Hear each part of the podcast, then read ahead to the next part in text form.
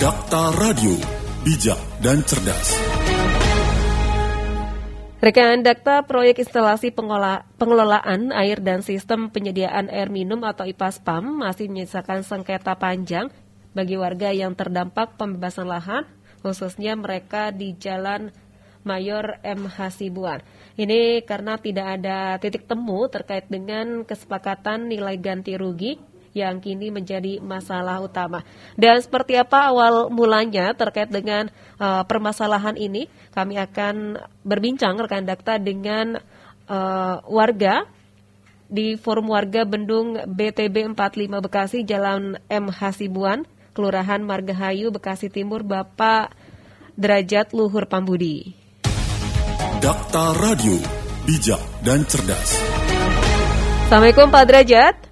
Waalaikumsalam warahmatullahi wabarakatuh. Ya, Pak Derajat seperti apa awal mulai ya. permasalahan terkait dengan adanya proyek hmm. uh, IPAS PAM ini, Pak? Uh, jadi gini, Mbak.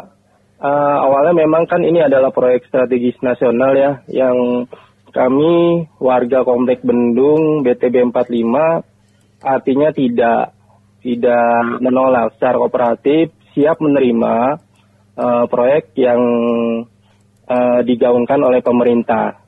Tapi ketika nilai ganti kerugian uh, tidak sesuai dengan apa yang warga harapkan, itu menjadi uh, menjadi dilema buat kami karena harga yang kami terima itu uh, di awal itu berada di bawah NJOP kami, Mbak. Itu ke satu. Yang kedua, uh, ketika um, proyek strategis nasional ini mulai dijalankan, banyak kejanggalan-kejanggalan dari uh, eh, KJPP sendiri dalam hal ini uh, kantor jasa penilai publik ini masih banyak kekurangan-kekurangan uh, yang kami rasakan. Karena pada saat uh, penilaian sendiri, uh, hasil penilaian itu tidak ada tanda tangan. Yang pertama, yang kedua tidak ada tanggal. Uh, yang ketiga, uh, luas tanah yang kami terima pun juga tidak ada uh, dilampirkan di hasil kertas penilaian tersebut. Mungkin itulah salah satu poin kami, Mbak, mm-hmm. karena kami merasa uh, tempat kami sangat strategis berada di jantung kota Bekasi dan kami sudah tinggal di sini kurang lebih hampir 42 tahun. Tepatnya uh, dari tahun 1979 orang tua kami sudah tinggal di sini sampai uh, cucu dan sampai cicit, Mbak, gitu.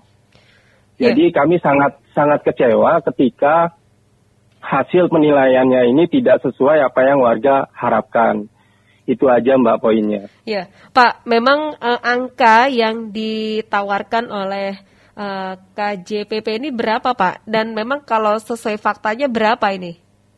Iya, angka yang ditawarkan pertama pada saat hari pertama kami. Jadi gini Mbak, kita proses diundang pada saat itu di uh, rumah makan Wulan Sari. Uh, kita datang, uh, ada sosialisasi di, awalnya ada sosialisasi, sosialisasi terlebih dahulu. Ketika itu kita uh, masuk ke tempat yang seperti pemilu, Mbak. Jadi ada bilik-bilik. Kalau nggak salah itu ada kurang lebih tiga empat bilik, Mbak. Gitu. Jadi kami masuk di dalam itu sudah ada uh, dari BP dari BPN, kedua dari tim KJPP. Yang saya ingat pada saat kami masuk itu ada dua orang dari BPN dan satu orang dari KJP. Dan ketika misalkan saya salah satu contohnya ketika saya masuk ke dalam uh, saya buka amplop yang disodorkan oleh tim uh, eh, BPN dan tim KJPP, saya melihat nilai itu tidak sesuai. Jadi NJOP kami boleh dibilang di Kota Bekasi ini kurang lebih pastinya 3 juta 745. Tapi kami sangat kecewa ketika hasil yang kami dapat hasilnya itu uh, penilaian tanah kami dihargai tiga juta lima ratus mbak. Di bawahnya ya? Itu itu sangat di bawah sekali menurut kami dan sangat uh, menurut kami ya kecewa sekali pada saat hari pertama itu. Dan pada saat hari pertama itu kami menolak, artinya kami tidak tanda tangan uh, apa pun ketika uh, mereka menyodorkan kami uh, untuk tanda tangan. Jadi kami pada saat itu hari pertama kami warga semua kompak untuk pulang, Mbak. Tapi ketika kami pulang, ada salah satu perwakilan uh, PPK uh, dalam hal ini pem, pembuat uh, apa? Iya, PPK salah satu itu uh, menelpon salah satu warga bahwa kalau semua warga tidak menandatangani walaupun menolak harus tanda tangan itu akan dianggap absen. Artinya absen itu akan menerima hasil keputusan KJPP yang telah diberikan. Eh, Dan pada saat itu hari itu kami tidak bisa datang, jadi kami keesokan harinya datang, Mbak. Hmm. Uh, pada saat keesokan harinya datang, uh, di awal kembali disampaikan lagi ada sosialisasi dari PPK bahwa akan ada kenaikan, akan ada perubahan. Ya, jadi setelah uh, PPK menyampaikan kami kembali lagi masuk ke ruang yang tadi saya bilang seperti bilik suara dan ini seperti halnya pemilu. Kami masuk. Begitu kami masuk, alangkah kagetnya saya ketika hasil yang disodorkan kembali oleh tim KJPP dan BPN, angka saya tidak berubah. Masih 3.500. Pada saat itu saya langsung menolak dan uh, langsung keluar dari bilik tersebut dan saya mencari PPK yang menjanjikan bahwa ada kenaikan. Dan pada saat itu saya ketemu dan saya bilang kenapa ini tidak ada kenaikan. Tadi Bapak menyampaikan bahwa akan ada perubahan, ada kenaikan. Ah, disambut baiklah oleh PPK ini, jadi PPK ini juga ikut masuk ke dalam ruangan bilik dan menyampaikanlah ke tim KJPP dan tim BPN. Setelah itu baru setelah PPK menyampaikan, oh iya betul ini jadi ada kenaikan. Tapi saya bilang ini kan baru secara lisan. Saya butuh secara tertulis untuk memastikan bahwa angka yang 3.500 ini berubah. Uh, setelah itu mereka print, Mbak. Mereka print, keluarlah hasil print outnya, uh, dan kami dihargai 5 juta. Mm-hmm. Tapi saya juga masih, kami semua masih menolak. Karena angka tersebut masih menurut kami masih di bawah standar, Mbak. Masih di bawah uh, angka yang kami uh, inginkan. Nah, di sini kami melihat kenapa perubahan-perubahan ini kok begitu gampangnya, begitu mudahnya gitu. Uh, artinya yang tadi saya sampaikan bahwa hasil penilaian KJPP ini sendiri tidak ada awalnya tidak ada tanda tangan, kedua tidak ada tanggal, uh, yang ketiga uh, tidak ada luas tanah. Ketika kami mengkritik di hari pertama, barulah hari kedua diberikan uh, luas tanahnya. Jadi format itu dirubah, ada luas tanahnya. Tapi masih tidak ada tanda tangan. Itu Mbak. Jadi kami menyoroti bahwa warga di sini menilai uh, tidak ada uh, artinya uh, begitu gampang berubah KJPP dalam satu hari ketika kami uh, tidak terima langsung bisa berubah. Itu Mbak poinnya. Ya, Pak sebenarnya kalau uh, warga ini apa memang sudah bersertifikat Pak untuk kepemilikan rumahnya? Iya, baik. Jadi di sini Mbak ada kurang lebih 19 sampai 20 uh, bidang ya Mbak ya. Ya 21 ya, ya kurang lebih 19 sampai 21. Uh, yang 11 sudah 11 sampai 12 sudah bersertifikat, Mbak. Jadi artinya kami sudah uh, sertifikat hak milik. Hmm. Baik. Nah, uh, kalaupun dari pemerintah Kota Bekasi seperti apa meskipun ini memang punya pusat, Pak ya? Proyeknya pusat ya. Ya, ya jadi kami uh, langkah-langkah kami sudah karena ini sudah masuk ke ranah hukum ya, Mbak, ke pengadilan kami juga dari warga yang uh, hati kecil kami, orang tua kami sangat uh, sangat menghindari Mbak untuk proses pengadilan. Orang tua kami sangat sedih ketika ini sampai proses ke pengadilan. Karena uh, orang tua kami ini yang di masa akhir pensiun mereka ingin menikmati hidup bukan lagi dunia ya Mbak ya yang dikejar untuk hidup tenang. Uh, ini terusik ketika uh, nilai pergantian ini tidak sesuai. Yang tadi saya katakan uh, pertama kami tidak menolak awalnya. Yeah. Bahkan jadi uh, saya coba flashback lagi Mbak. Jadi kami ini ada tiga tiga tiga lokasi. Yang pertama Jalan Kartini, yang kedua kami Jalan Komplek Matmui Nasibuan, tepatnya warga Bendung BTD 45, dan yang ketiga ada namanya Komplek Pengairan di belakang yang, yang kami sebut itu Blok H. Jadi dari ketiga tempat lokasi ini nilainya berbeda-beda Mbak. Yang di Kartini mereka dinilai 10 juta per meter. Yang di Blok H mereka dinilai 8 juta per meter. Yang jelas-jelas NJOP mereka NJOP Blok H berada di bawah kami. Mereka 2 juta 13 ribu, kami 3 juta 500. Coba Mbak bayangkan. Kami NJOP-nya 3 juta 745, sedangkan Blok H uh, 2 juta 13 ribu. Mereka mendapatkan nilai hasil yang lebih tinggi dari kami. Sedangkan kami sangat di bawah nilai NJOP di hari pertama. Itu Mbak. Iya, baik. Dan sampai saat ini masih dalam proses hukum Pak ya? Ya, masih. E, kemarin tanggal 16, kami sidang pertama. Sidang pertama, orang tua kami sangat antusias walaupun e, hati kecil orang tua kami sangat kecewa dan tidak ingin e, masuk ke pengadilan. Tapi apa boleh buat Mbak, inilah langkah hukum kami warga Komplek Bendung BTP 45 mau nggak mau kami berurusan dengan hukum. Kami warga yang sangat buta hukum, yang sangat awam masalah hukum, mau nggak mau kami menggandeng kuasa hukum, Mbak. Jadi kami ini kalau boleh jujur, kami di sini juga patungan, Mbak. Jadi kami urunan warga di sini saking kami ingin memperjuangkan hak hak kami yang seadil-adilnya. Jadi pada tanggal 16 kemarin kami sudah sidang di pengadilan negeri tapi alangkah uh, buruknya ketika tergugat yang kami gugat itu tidak datang, Mbak. Jadi ada tiga yang kami gugat di sini. Yang pertama BPN, yang kedua KJPP, yang ketiga uh, Kementerian dari PUPR. Dalam hal ini PPK Cipta Karya, Mbak. Itu. Nah, yang datang kemarin hanya BPN. Jadi uh, hakim memutuskan bahwa sidang akan ditunda sampai tanggal 17 Januari 2022. Itu, Mbak. Iya, baik. Dan uh, tadi kan uh, Pak Derajat mengatakan ada yang berbeda Pak ya terkait dengan uh, nominal ini. Apa yang mengapa bisa berbeda ini?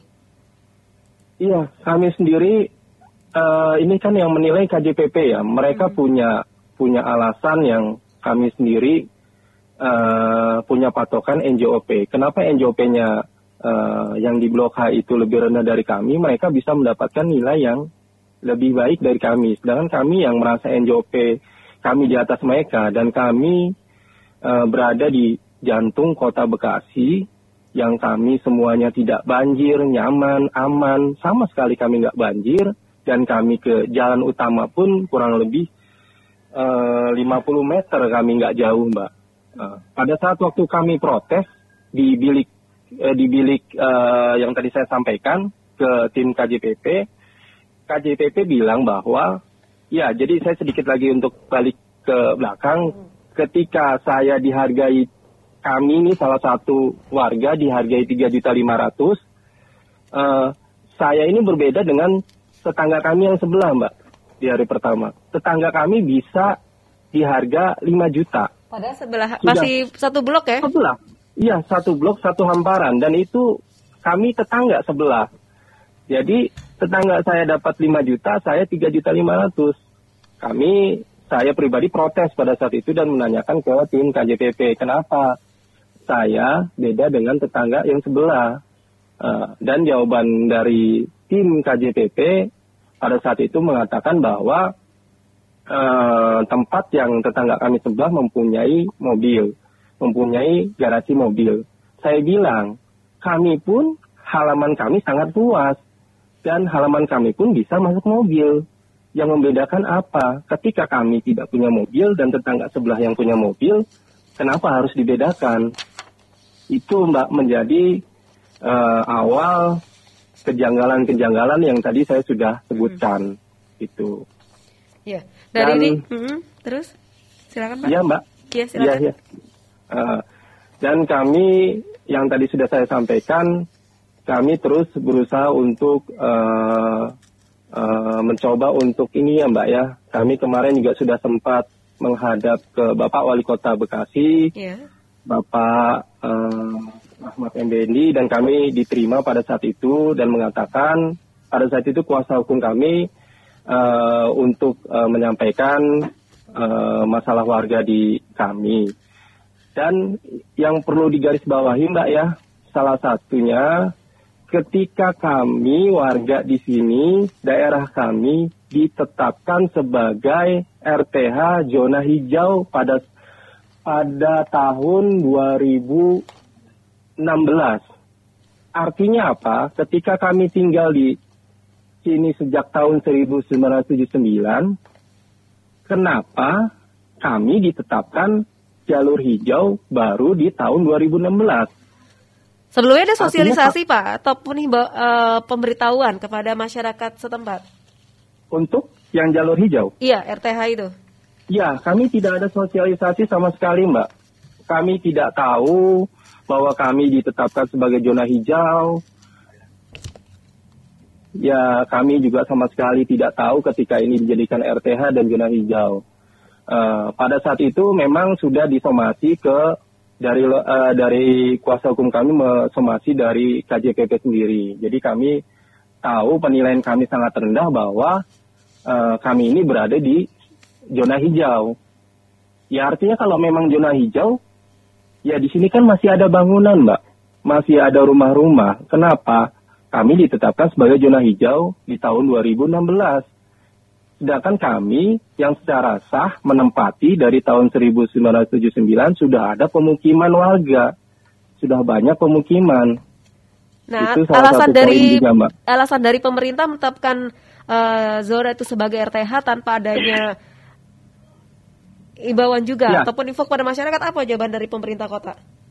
Uh, kami sendiri dalam hal ini belum belum dapat jawaban secara pasti ya Mbak. Uh, ini masih berproses, jadi kuasa hukum kami juga masih coba uh, menelusuri kenapa ini bisa ditetapkan sebagai zona hijau dan ini salah satu bentuk perjuangan kami Mbak. Hmm. Gitu. Jadi belum ada jawaban tersendiri ya Pak ya? Belum, belum, belum Mbak, belum. Padahal kan bisa ditanyakan Pak kepada Pak Wali.